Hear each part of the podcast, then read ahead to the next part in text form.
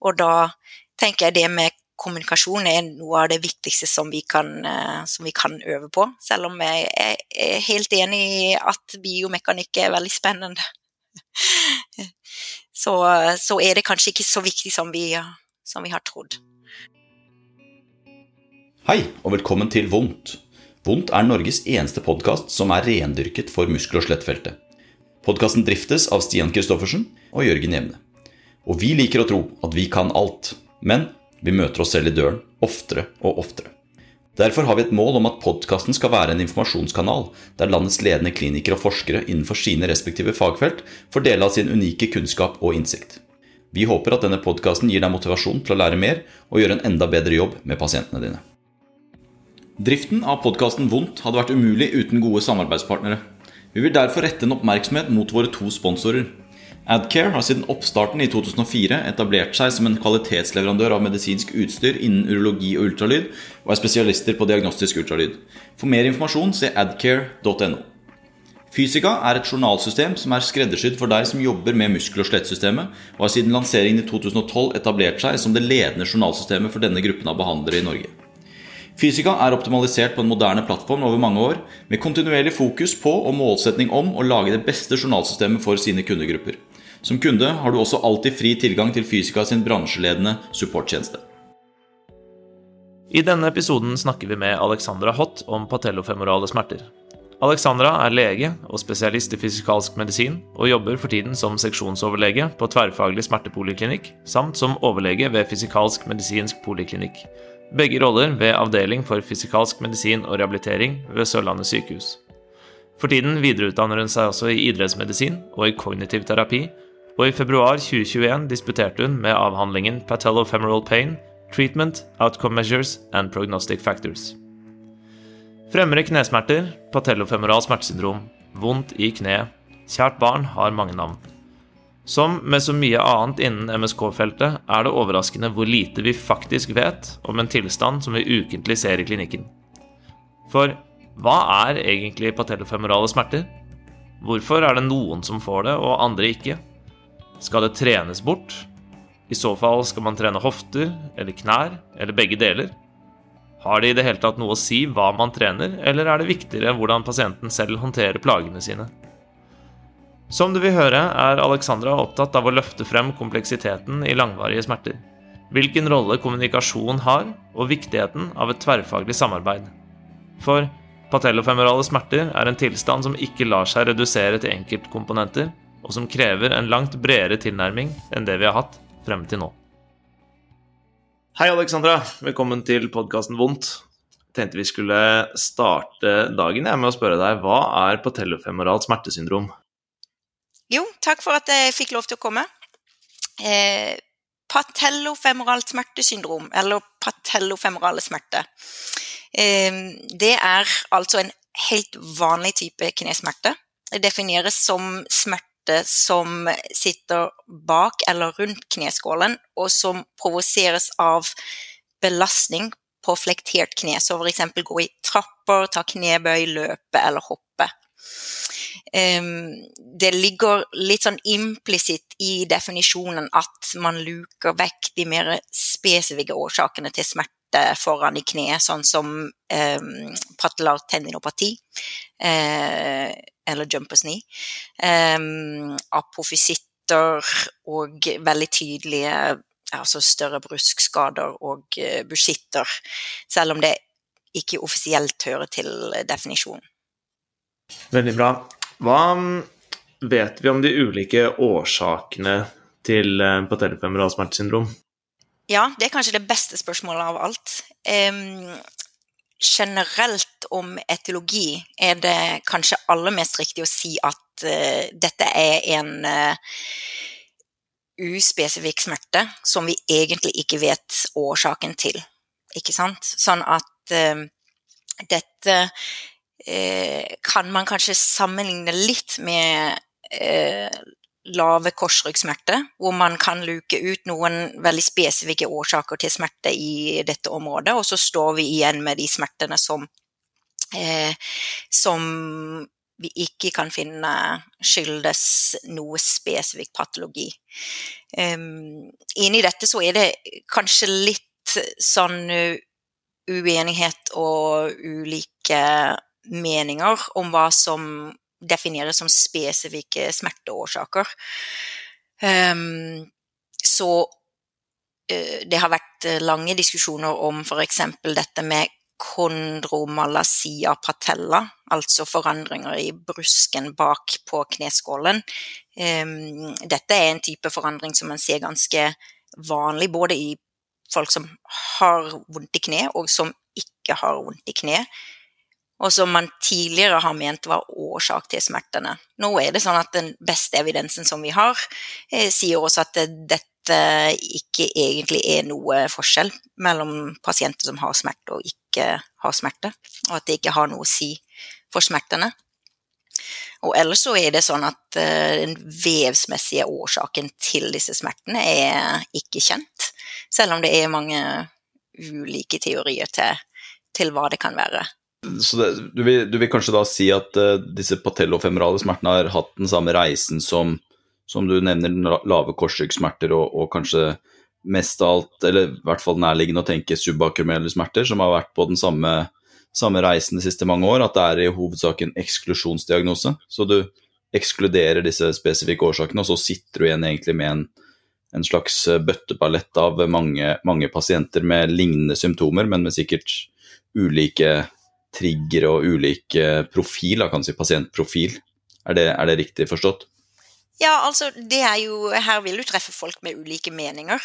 Eh, men det er i hvert fall eh, min observasjon og tolkning at eh, dette eh, er en beskrivelse av en uspesifikk smerte, for i kneet, når man har luka vekk de mer spesifikke årsakene, sånn som f.eks. Eh, jump jumpers knee. I vårt Eh, fagfelt som fysioterapeuter, så har det jo tradisjonelt vært veldig fokus på de mer sånn biomekaniske faktorene også. Altså Én ting er jo billedfunn og som du sier, kondromalasia, jumpers knee, tendopatier, eh, den slags. Men eh, vi har jo vært veldig glad i å tegne akser og snakke om valgus og varus og knær over tær. og Hvilken rolle spiller, spiller disse biomekaniske faktorene inn på, på, på telefemoral smertesyndrom? Ja, det er òg et uh, kjempegodt spørsmål. Det er uh, vel egentlig det du beskriver, er det som på en måte er opplest og vedtatt som årsak til disse smertene. Uh, her vil du nok lese i litteraturen de fleste oppsummeringer og, og retningslinjer at årsak til smertene antas å være økt belastning eller overbelastning i og rundt kneskålen som skyldes noe man kaller for patomekanikk, altså endret eh, mekanikk i det patellofemorale leddet. Um, og her kan man lese ganske sånn innvikla forklaringer, fordi patellofemoral biomekanikk er veldig, er veldig komplisert. Um, så er det sånn at uh, Eh, det er nesten fritt fram å mene at alt mulig eh, kan være årsak til at man får en endring i eh, belastning i leddet, som da fører til utvikling av smerter. Men det må jo sies at hvis man går nærmere inn og ser på evidensgrunnlaget for dette, så, det, så det, kan det på det beste beskrives som inkonsistent.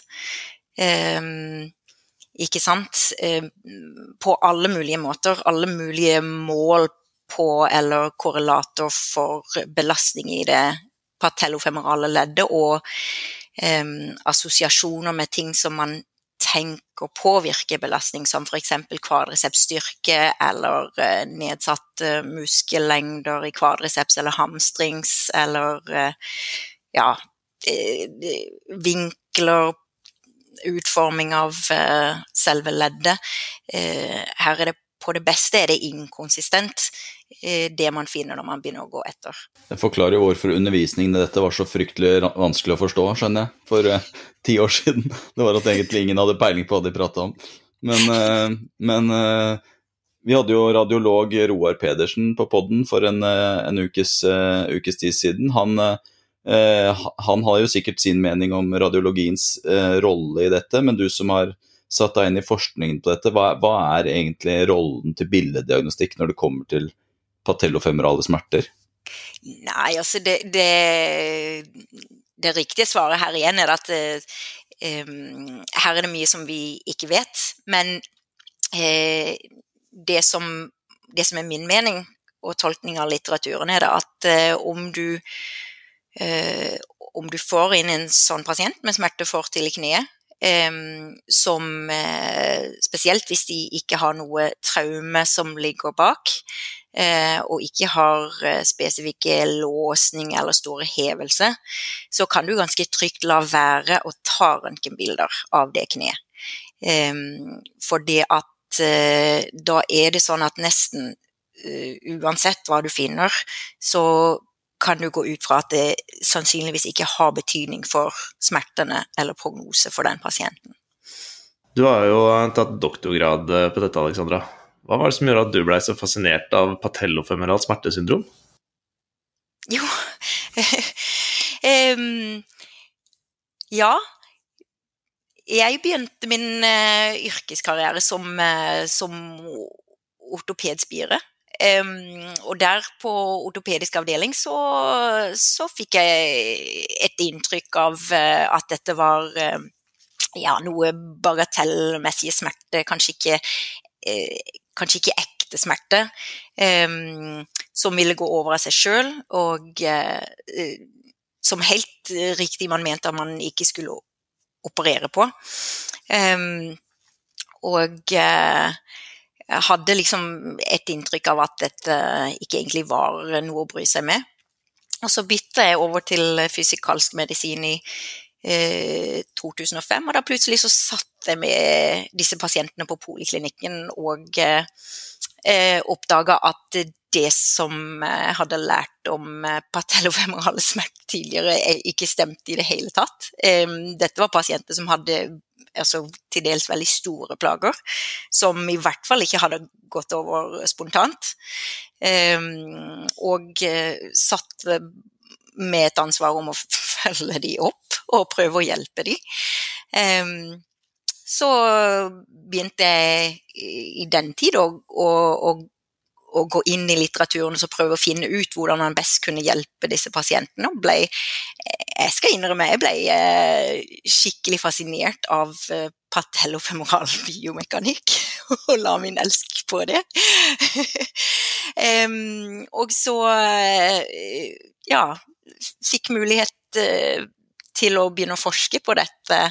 Og så tok det, tok det, bare av videre derfra som en mulighet til å finne ut enda mer. Kan du um, ta oss litt gjennom, uh, gjennom forskningsreisen din, som, som, kulminerte i noen uh, veldig gode artikler nå som kom for ikke så, så altfor lang tid siden? Eh, både designet på selve ph.d.-studien og, og, litt av prosessen bak å komme dit? Ja.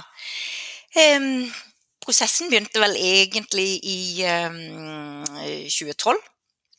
Da var det en rekke tilfeldigheter som, som, gjorde at jeg ble eh, ja, mest dytta mot en, eh, en, eh, forskerstilling. Fikk mulighet til å begynne å forske, og var allerede på det tidspunktet interessert i patellofemorale smerter. Og på det tidspunktet så var det sånn et hett tema innenfor patellofemorale smerter var dette med, med trening av hoftemuskulatur.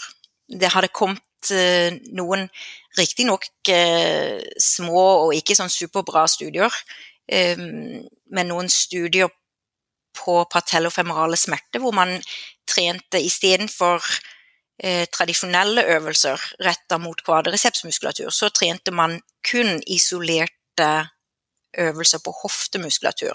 Så eh, hofteabduksjon og utadotaksjon.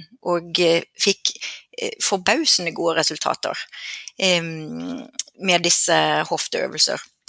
Eh, og teorien som lå bak, var, eh, var jeg ganske fascinert på. At med å påvirke styring av hofte ja, hofteleddet, hoftestilling, eh, så kunne man indirekte påvirke patellofemoral belastning. Så det, eh, det var dette som gjorde at vi eh, ble enige om å forske på dette med å sammenligne disse tradisjonelle kvadricepsøvelser mot den, den, det som var ny, ny metode den gangen, som var isolerte hofteøvelser. Um, og så tok vi med en kontrollgruppe for å finne ut uh, hva som skjer med disse pasientene, om de bare får uh, de samme gode rådene som, uh, som de andre pasientene, men bare er aktiv på egen hånd uten å få spesifikke øvelser. Så dette er studien som, som er egentlig grunnlaget for hele, for hele, doktorgraden og alle artiklene som, som vi publiserte.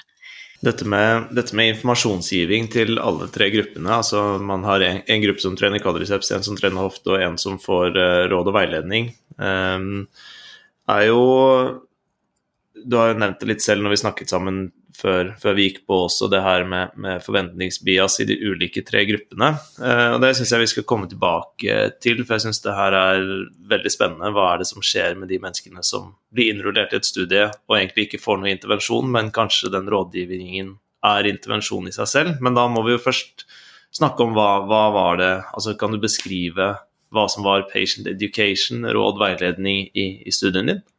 Mm. Eh, ja, det er som du poengterer, som du poengterer at det, dette er kanskje noe av det som er litt spesielt med uh, akkurat denne studien.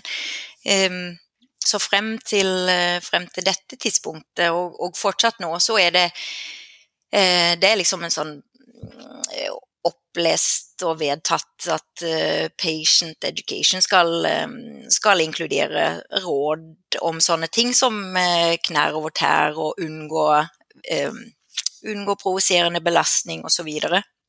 Eh, men eh, i denne studien så har vi eh, ut fra en tanke om at eh, sånne ting som kinesiofobi eh, og eh, katastrofering kan ha en betydning for, også for knesmerte, så har vi heller lagt opp en litt mer kognitivt rettet pasientinformasjon. Eh, så det kan sammenlignes med det som eh, eh, som man kan kalle for den gode ryggsamtalen, eller en brief intervention-modell for lave korsryggsmerter, det som vi gjorde. Og inni det så er det rett og slett en, en grundig pasient, pasientsentrert konsultasjon med en pedagogisk undersøkelse eh, og en eh, grundig forklaring om disse smertene ut fra en, eh, en såkalt non-injury-forståelse. Eh, understreke f.eks. at pasientens kne er grundig undersøkt, og det ikke er funnet noe tegn på skade, og at noe er det viktigste som man kan gjøre, er å bruke kneet, belaste det. Så forklarte vi om studien at eh, vi skulle prøve å undersøke om det var bedre med tradisjonell trening for kvadricepsmuskulatur, eller dette nye med hoftemuskulatur. Eller om det rett og slett kunne være sånn at det var like bra å være i fysisk aktivitet på, på egen hånd. Um, og uh, la egentlig ned ganske mye arbeid i å presentere de tre ulike mulighetene som eh, potensielt eh, like for å redusere dette med forventningsbias. Ja, og særlig det, det punktet med likeverdig, likeverdig gruppe tenker jeg at er ekstremt viktig, og kanskje et sånn underkommunisert punkt i, i mange andre studier også. At uh, blir du innrullert i en studie hvor du som kontrollgruppe også får beskjed om at det kan hende at det er like greit å bare vente ut dette, så har du allerede gjort noe med, med forventningene dine til bedring. Hvis det er noe vi vet har stor betydning for å predikere utfall av en behandling, så er det jo forventningen til bedring. Så i dine øyne så, så vil du nesten se på den kontrollgruppen også som en type intervensjonsgruppe, bare at, eh, bare at man klarte seg med, med, med lavest mulig effektive doseintervensjonen, altså bare rådgivning kontra øvelser i tillegg? Ja, altså, det kan man jo i uh, høyeste grad si at dette er jo uh, en form for intervensjon, det også. Uh, ikke sant? Det også eh, grundig undersøke en pasient, gi god informasjon og råd om å være aktiv på egen hånd. Det er jo egentlig det som man kan betegnes som en eh, brief intervention, som vi gjør på, eh, for lave korsryggsmerter. og kan tenke på som en god behandling i seg selv. Jeg kjenner jo igjen det her i, i, en type praktisk hverdag, at man bruker mye tid på å snakke med pasientene sine, avdramatisere, selv om man validerer at de har vondt, men, eh, men gi dem mye god informasjon, og så skal man, skal man prøve å håndtere det best mulig på, på egen hånd. Og det, mange forskningsprotokoller har jo fått, eh, og får, berettiga kritikk for å være helt Eh, altså Det går ikke an å implementere dem i praksis. De er for omfattende. Pasientene velger ikke å gjøre de. Men akkurat dette her med brief intervention er jo noe som man egentlig gjør i praksis allerede. Så selve protokollen på hvordan dere ordla dere, hva dere forklarte, er det, ligger det ute noe sted? Og hvis ikke, er det noe dere tenker at dere kan eventuelt gå ut med som en veileder til, til klinikere? Å, oh, gud, ja. Det, det ligger eh, ikke noe sånn manus ute, men det var jo et eh, godt forslag å gå ut og publisere det mer spesifikt enn det som allerede står i forskningsartiklene. Um, takk for et godt forslag. Bare, bare, bare hyggelig. Det er jo um det er jo i, i, i, desperasjonen av å være kliniker inne på rommet sitt, så, så ser man jo at det er behov for, for, noe håndfast. Så det tror jeg absolutt at det kunne kommet mange til god hjelp. Men hva, hva, hva fant dere da, da dere forsket? Altså, hvor, hvor, lenge trente de, hva trente de, hva var, hva var resultatene, og hva kan man trekke ut av det? Pasientene ble randomisert til disse tre ulike intervensjonene som vi eh, som vi har nevnt, altså tradisjonelle kvadricepsøvelser eller isolerte hofteøvelser. Eller eh, kontrollgruppen, som vi da har kalt for fri fysisk aktivitet. Eh, og de som trente strukturerte øvelser, trente tre ganger i uken i seks uker, og ble oppfordra til å fortsette med øvelser etter det også. Og fikk veiledning av eh, fysioterapeut én gang i uken gjennom de seks ukene som, som de offisielt ble fulgt opp. Eh, så fulgte vi de opp etter eh, seks uker, tre måneder og et år. Eh, med en hel, eh, ja, hel ramse med ulike eh, utfallsparametere, men hovedutfallsparameteret er eh, anterior knee pain score som vi da også har oversatt til, til, norsk og validert i forbindelse med denne, med denne doktorgradsstudien. Eh, og det vi fant, var at eh, alle tre grupper ble signifikant bedre fra baseline. Eh, og med sammenlignbar effektstørrelse til andre studier. Eh, men det var ingen signifikant forskjell mellom gruppene. Eh, verken på hovedutfallsparameteren, altså disse her eh, anterior knee pain score, eller eh, smertemål, eller eh, funksjon, målt på en sånn step down-test og en sånn objektivt eh, funksjonstest.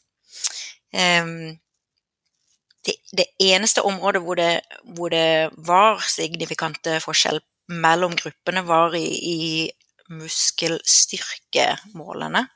Hvor disse pasientene som trente strukturerte øvelser, var de som, som faktisk ble eh, sterkere eh, på styrketesting. Og de som var i kontrollgruppe, ikke ble det. På alle andre parametere så var de helt like. Tror du eh, det ville vært en forskjell mellom eh, gruppene som trente strukturert styrke kontra kontrollgruppen, hvis de hadde fått lov til å trene styrke enda lengre, altså hatt en, en progresjon utover de seks ukene, tyngre øvelser eh, osv. At mer styrke er likt redusert smerte og økt funksjon?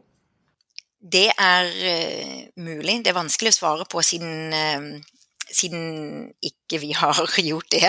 Men uh, hvis man ser både på vår studie og på andre studier som har, som har fulgt opp um, mål på muskelstyrke i forbindelse med sånne intervensjoner, så er det um, Det er slett ikke sånn uh, at det ser ut til å være mer styrke er lik mer klinisk bedring det ser ut at, eh, at de to målene egentlig eh, er litt frakobla. Så det, eh, det, peker mot andre forklaringsmodeller enn det som, enn det som vi i hvert fall har antatt. Uh, i forhold til hva som er effekten med disse treningsstudier. Ikke sant? Vi, vi, gjør disse øvelsene og tenker at det vi påvirker er muskelstyrke, og at det er det som er mediatoren for at pasienten blir bedre. Men eh, sett eh, jevnt over på, i hvert fall i forhold til patellofemorale smerter, eh, og de studiene som, som, jeg kjenner til, så, så, så er det en, en samla tolking er det at det ser ut at det ikke er sånn. Og det er jo det er interessant det her, eh, som du sier, altså hva er det vi, er det vi trener for, for, da, og hvilke mekanismer er det som er i spill? Det er noe vi har reflektert en del over selv òg. Man ser jo på, på korsrygg f.eks. så er jo øvelsesutvalget og doseringen av mye mindre betydning enn man trodde. Sånn at det her med fri aktivitet er viktig. Eh, på skulder så ser man jo at folk blir bedre av å trene, men de blir ikke nødvendigvis sterkere. Eh, man har sett det på, på, det skapulære rundt skulder også, at folk blir bedre, men en, altså, treningen endrer egentlig ikke så mye. Men det er jo fortsatt sånn at de, de blir bedre, da. Altså, de opplever at de, er, de fungerer bedre og de har mindre vondt. Og, så, så, hvis du skulle få gå sånn ut, ut, av, ut av det stringente og, og doktoratet ditt, hva, hvilke effekter tror du trening har på, på telefemerale smerter da, hvis det ikke er at eh, styrken er mediatoren? Ah, ja, det var et eh, Det er kanskje det beste spørsmålet av alle. Um, hvis jeg skal si det som, jeg, det som jeg tror, og ut fra kanskje mye av den nyere forskningen som kommer um, i patellofemerale smerte, så kommer det fram en del eh, som viser at eh, dette med f.eks. kinesiofobi eh, har en, eh, en, ganske stor betydning. Og når man ser det opp mot eh, andre markører for belastning i det patellofemorale leddet, eller eh, styrke eller andre ting. så når jeg tenker på øvelser nå, etter jeg har, etter jeg har gjort dette her, og måtte tenke ganske mye på, på hvorfor det ble som det ble, eh, så tenker jeg at eh, det kan være like mye sånne eh, ja, si uspesifikke faktorer som vi påvirker når vi trener med pasientene, som disse spesifikke biomekaniske faktorene. og at i hvert fall totalt sett, eh, både denne studien og eh, det som jeg, som jeg klarer å lese i utvikling av eh, litteraturen rundt patellofemorale smerte, så, så beveger det seg i en retning at det er sannsynligvis er det andre faktorer som, som veier tyngre enn disse veldig spesifikke biomekaniske faktorene som, som er kule å holde på med, men som kanskje ikke betyr like mye som vi trodde. Hvordan, hvordan syns du dette altså Det jeg er opptatt av her, er jo hvordan vi skal bruke de funnene til den enkelte pasient. Da. Og, og det, har jo vært, det har vært veldig lett å, å fortelle pasienten at eh, dette er fordi du er svak, nå skal du gjøre disse og disse øvelsene, da blir du sterkere, og derfor blir du bedre. Og, hvordan, hvordan, vi, eller, hvordan har du forandret forklaringsmodellen til PFS i forhold til pasientene dine etter disse funnene? Altså du, da går jeg ut ifra at det har påvirket også måten du ser på tilstanden på, og hvordan du forklarer den for en pasient i forhold til hvordan treningen skal virke. Kan du si litt om det? Mm. Um, jeg forklarer en del ut fra en um, frykt- og unngåelsesmodell. Jeg selger det litt til pasienter i forhold til Um, og forklare litt hvordan ting kan gå i krøll når man først har fått vondt i kneet, nesten uansett om man har slått kneet eller om man har hatt en periode hvor man har trent mer enn uh, hva man var vant med. Um, uh, så er de, de, aller fleste enige om uh, å kjenne seg igjen i det at, um, at de bruker kneet annerledes fordi at det er vondt. Um, og hvis vi da mener at at det er viktig at musklene både i låret og rundt hofta holder seg sterke, så er òg eh, de fleste enige om at eh, de kjenner seg igjen i at eh, musklene er ikke like sterke, og de klarer ikke styre like bra. Så um, for å um, på en måte selge inn en forståelse for hvorfor det er viktig å bruke det beinet, så, så bruker jeg fortsatt noen, for, altså noe i forklaringsmodellen om, eh, om muskelstyrke og styring. Um, men understreker veldig at vi tenker at uh, her er kanskje noe av det viktigste å bruke kne og bruke det så, så normalt som mulig. Um, selv om det kanskje er litt uh, vondt i en periode. Jeg tenker at Det må være en helt fantastisk betryggende beskjed å få når du har gått rundt i to år og lurt på hvorfor i all verden du fortsatt har, har vondt i kneet og ingen finner noen svar. At man kan kjenne seg litt igjen i den fortellingen. Og så er det jo det her at selve treningen og den styrkeøkningen som styrketrening vil gi, da, har jo en del andre positive bieffekter også. Vi diskuterte dette med Marius Fimland og Martin Norum eh, før jul i en sånn trenings, eh, mer treningsrettet episode hvor, eh, hvor Marius eh, sa at uh, hvis du har vondt i ryggen, og selv om det ikke nødvendigvis hjelper å trene styrke, så, så, er det i hvert fall fint å være sterk i ryggen kontra å bli potensielt svakere fordi du ikke bruker den nok. Så det er jo mange gode argumenter for å selge inn styrketrening, men være litt edruelig på, på hvilken effekt det har rent på smerte og funksjon, tenker jeg. da, at uh, Hvis folk har et ønske om å ha en sterk sterk, sterk kropp og, og, kanskje enda viktigere sterke bein, som blir viktigere med alder, så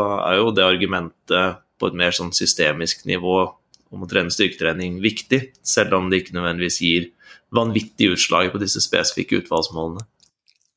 Ja, altså jeg tenker det er ikke vanskelig å argumentere for at uh, å være sterkere eller trene disse øvelsene kan kobles opp mot funksjon.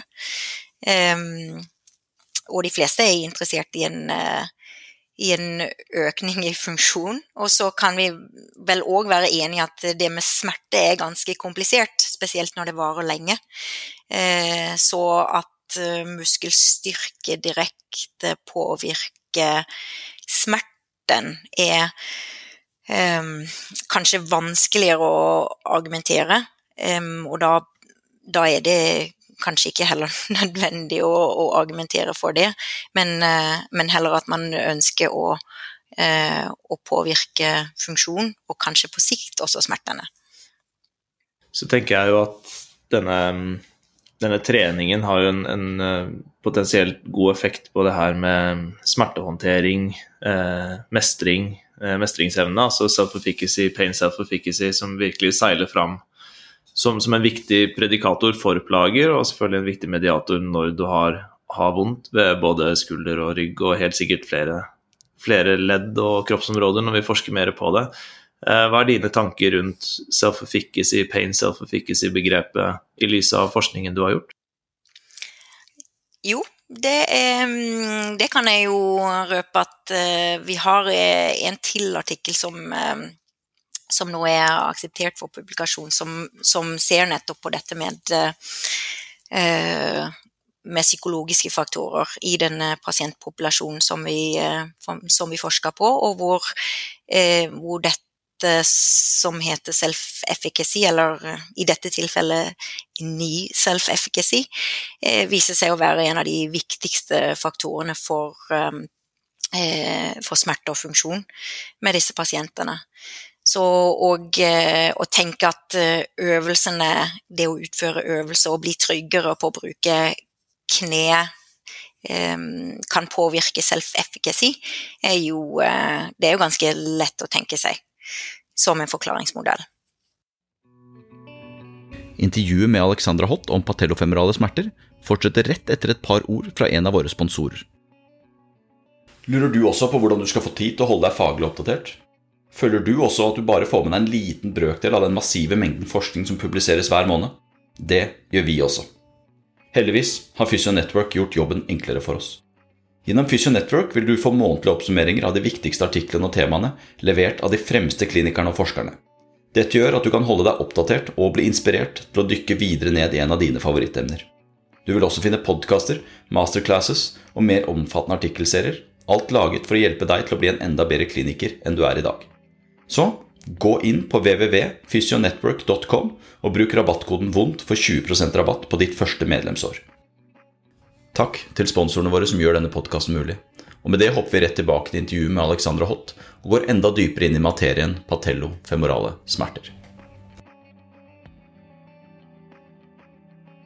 Et uh, ubehagelig spørsmål jeg stiller meg uh, titt og ofte, er uh, når jeg ser tilbake på en 15 år lang yrkeskarriere, så spør jeg meg noen ganger hvor mange pasienter har du skapt? og det er, det er, først da du tar med et stort glass rødvin i dusjen, og så blir du der til det har gått over. Men jeg tenker jo disse forklaringsmodellene for patellofemerale smerter, i likhet med impingement-plager, i likhet med at det er farlig å bøye ryggen Altså det her med en, en mer positivistisk fremstilling av, av problemet, da. Hvordan det kan, kan, bidra til bedring. Har du gjort deg noen tanker om det? Hvordan preger det her din kliniske hverdag da, når du sitter her med pasientene dine? jeg tenker, jeg tenker, veldig mye det samme som du tenker. Jeg har jo òg eh, sannsynligvis skapt veldig mange pasienter i, i løpet av en etter ganske lang yrkeskarriere. Eh, og eh, jeg tenker at eh, jeg prøver i hvert fall å være bevisst nå, mye mer enn før, om disse forklaringsmodeller som vi har brukt, og eh, til dels til dels egentlig dikta, ikke sant. Hvis, du, eh, hvis, vi går inn i litteraturen og prøver å se på grunnlaget for mye av de tingene som vi har sagt, i hvert fall i forhold til eh, knesmerte, så, så er det mye av det som vi bare har funnet på. Um, og når vi har forklart uh, at pasientene må avlaste kne eller holde seg under smertegrensen eller bruke riktig vinkler osv., så, videre, så er det eh, underforstått at eh, vi mener det er farlig å gjøre det.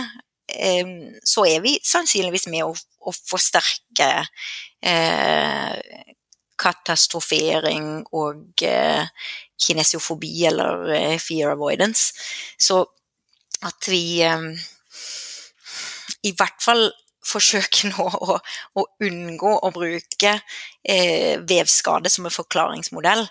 Eh, I hvert fall i de tilfellene hvor vi ikke har noe som helst grunnlag for å mene at eh, det her dreier seg om en skade, sånn som med fremre knesmerte. Det tenker jeg kanskje det kanskje først og fremst det. Og uh, uh, forsøke å, å, bruke forklaringsmodeller sånn som f.eks. Eh, bevegelsesfrykt eller eh, frykt og unngåelse. Eh, som de fleste greit kan kjøpe for å oppfordre om å, å bruke kneet eh, mer normalt. Eh, det tenker jeg er en eh, fornuftig tilnærming. Og ut fra vår studie så ser det ut at eh, det er en, eh, en god behandling, og kan kanskje være like bra som å gi spesifikke øvelser.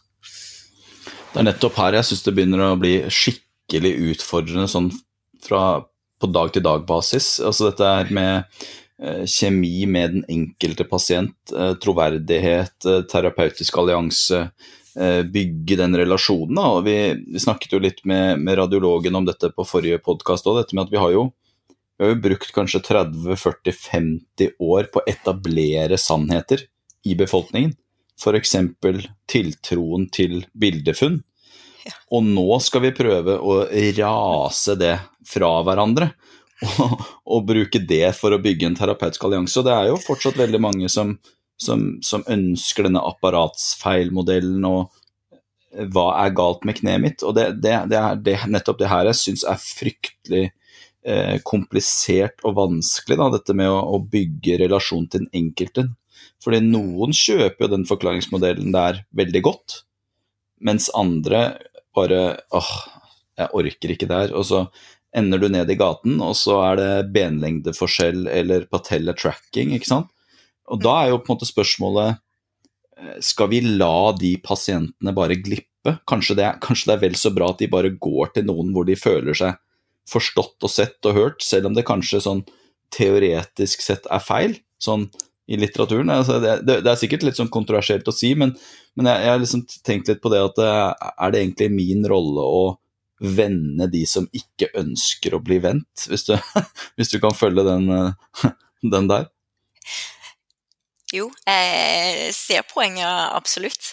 Um, der tenker jeg at vi sitter med litt, uh, litt ulike roller. Så det er jo jeg, uh, jeg, tenker at uh, en av oppgavene som jeg har som, som spesialist i, i muskel og skjelett og, og, og, og, som smertelege, er jo å prøve å fronte forklaringsmodellene som vi faktisk kan stå for i eh, eh, ut fra det som vi har av kunnskap eh, nå. Så det er jo det Men jeg, jeg, tenker, jeg ser poenget at eh, når man, når man sitter i kanskje i primærhelsetjenesten og, um, og møter motstand hos en pasient som kanskje like greit kan gå til en nedover gata, at, at um, eh, det kan kjennes kanskje like greit å bare slippe hele greia.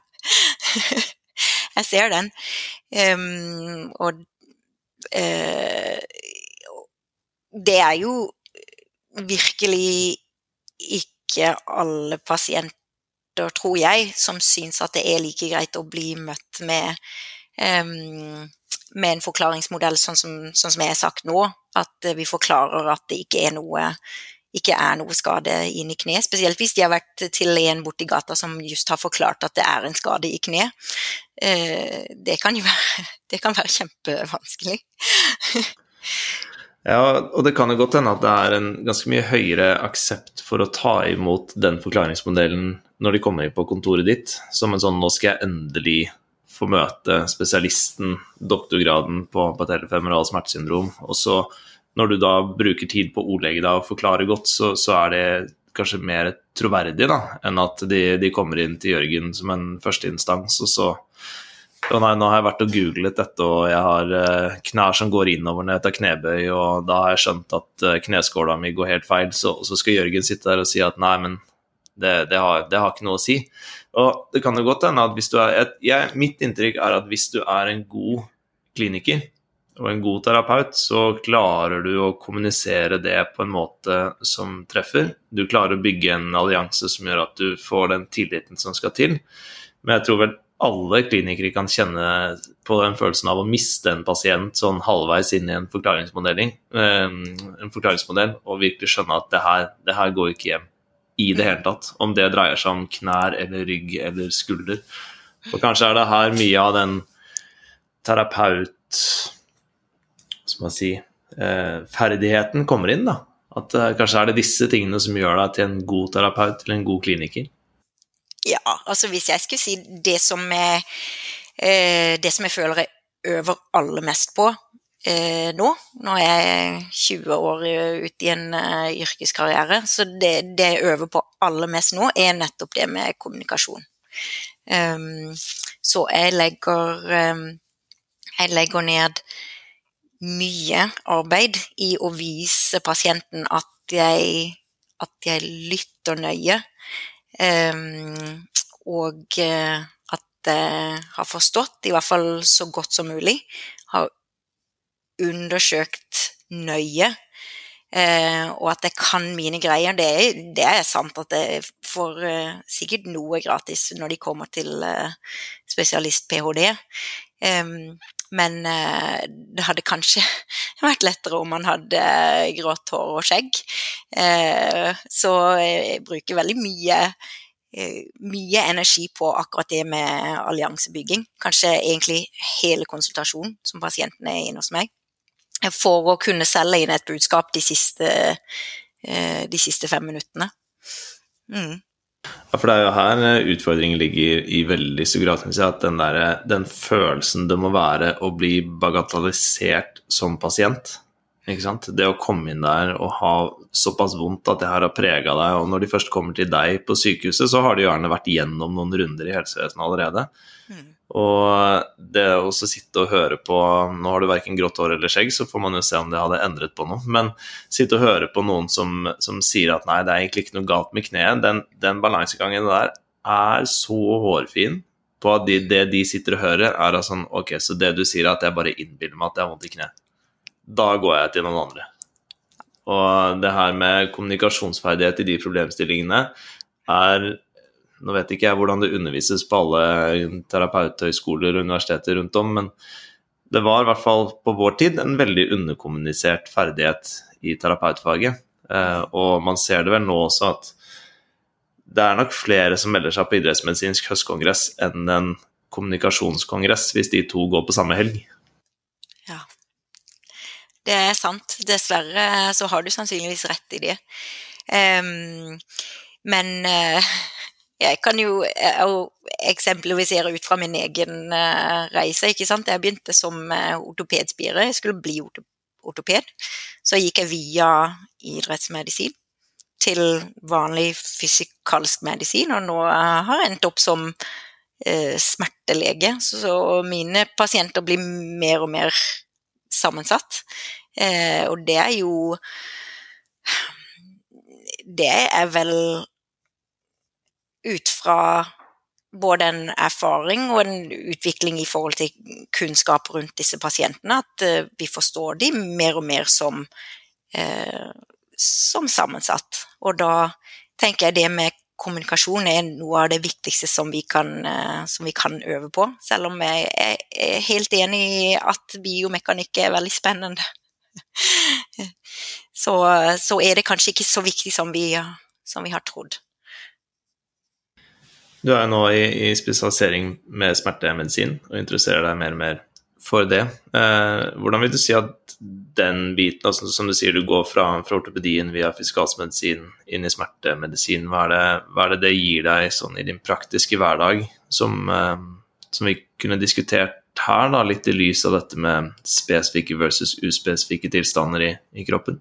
Mm, der er det en interessant utvikling i smertemedisin i forhold til hvordan man, eh, hvordan man tenker og omtaler disse spesifikke og uspesifikke eh, plagene. Det er jo et eh, Altså, spesifikke og uspesifikke er, litt vanskelig for meg, for det er eh, jeg sliter liksom med å finne en, en, definisjon for hva vi egentlig mener når vi sier spesifikke og uspesifikke. Men eh, eh, det som det som smertemedisin har uh, lagt seg på, er å skille veldig tydelig mellom akutt og langvarig smerte.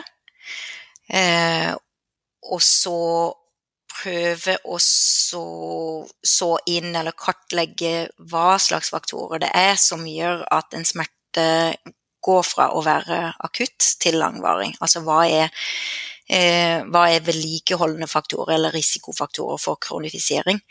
Eh, og der kommer inn veldig mange av disse faktorene som vi, ja, i hvert fall i ryggverden, så har vi kalt de for gule flagg, eh, som da viser seg å være faktorer som òg er viktig for eh, nesten uansett hvilken smertetilstand man ser på, så, så viser de seg å være eh, risikofaktorer for kronifisering av smerte.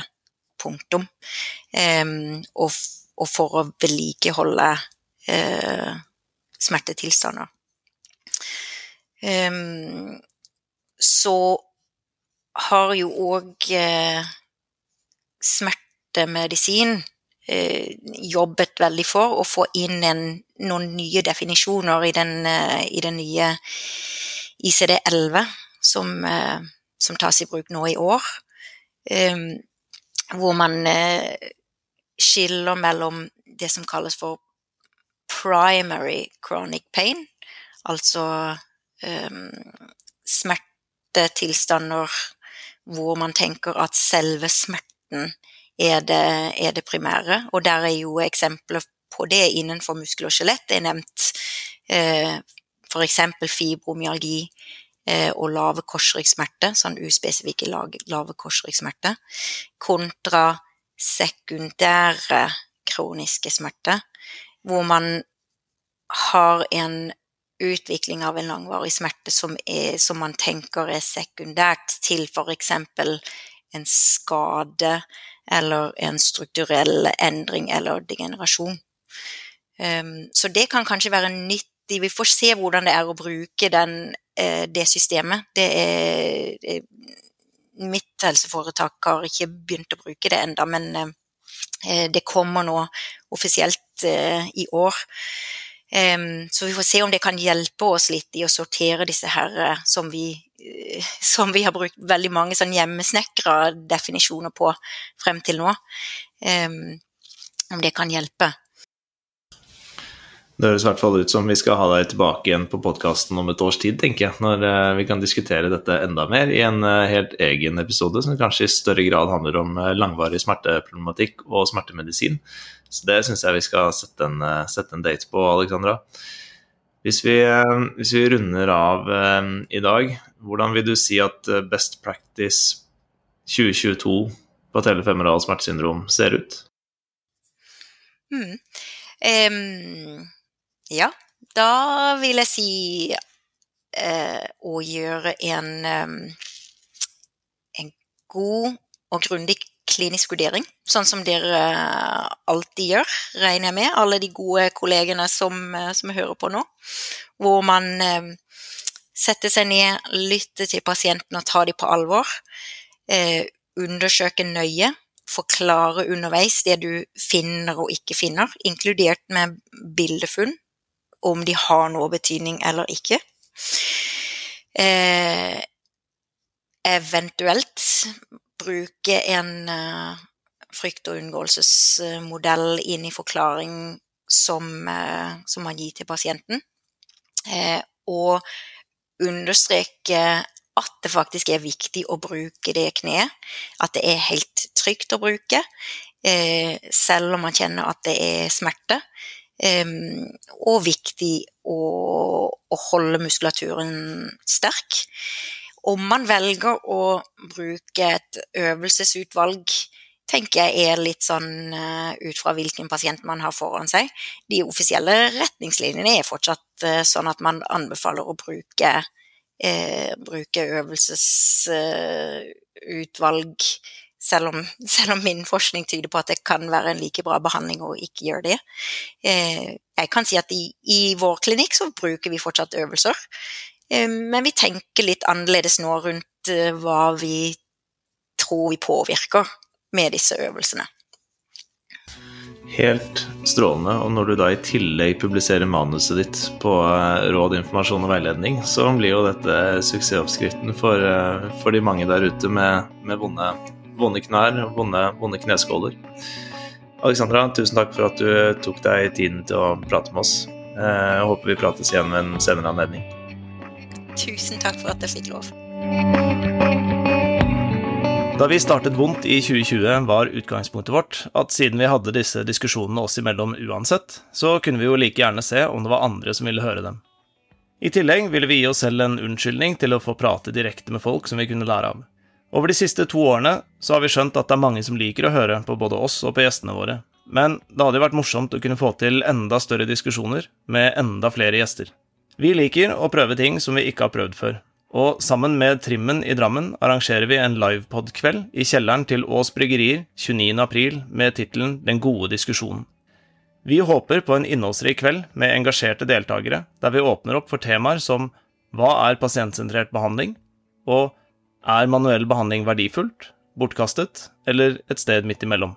Du finner mer info om arrangementet ved å følge lenken som ligger i shownotene til denne episoden. Håper vi ses!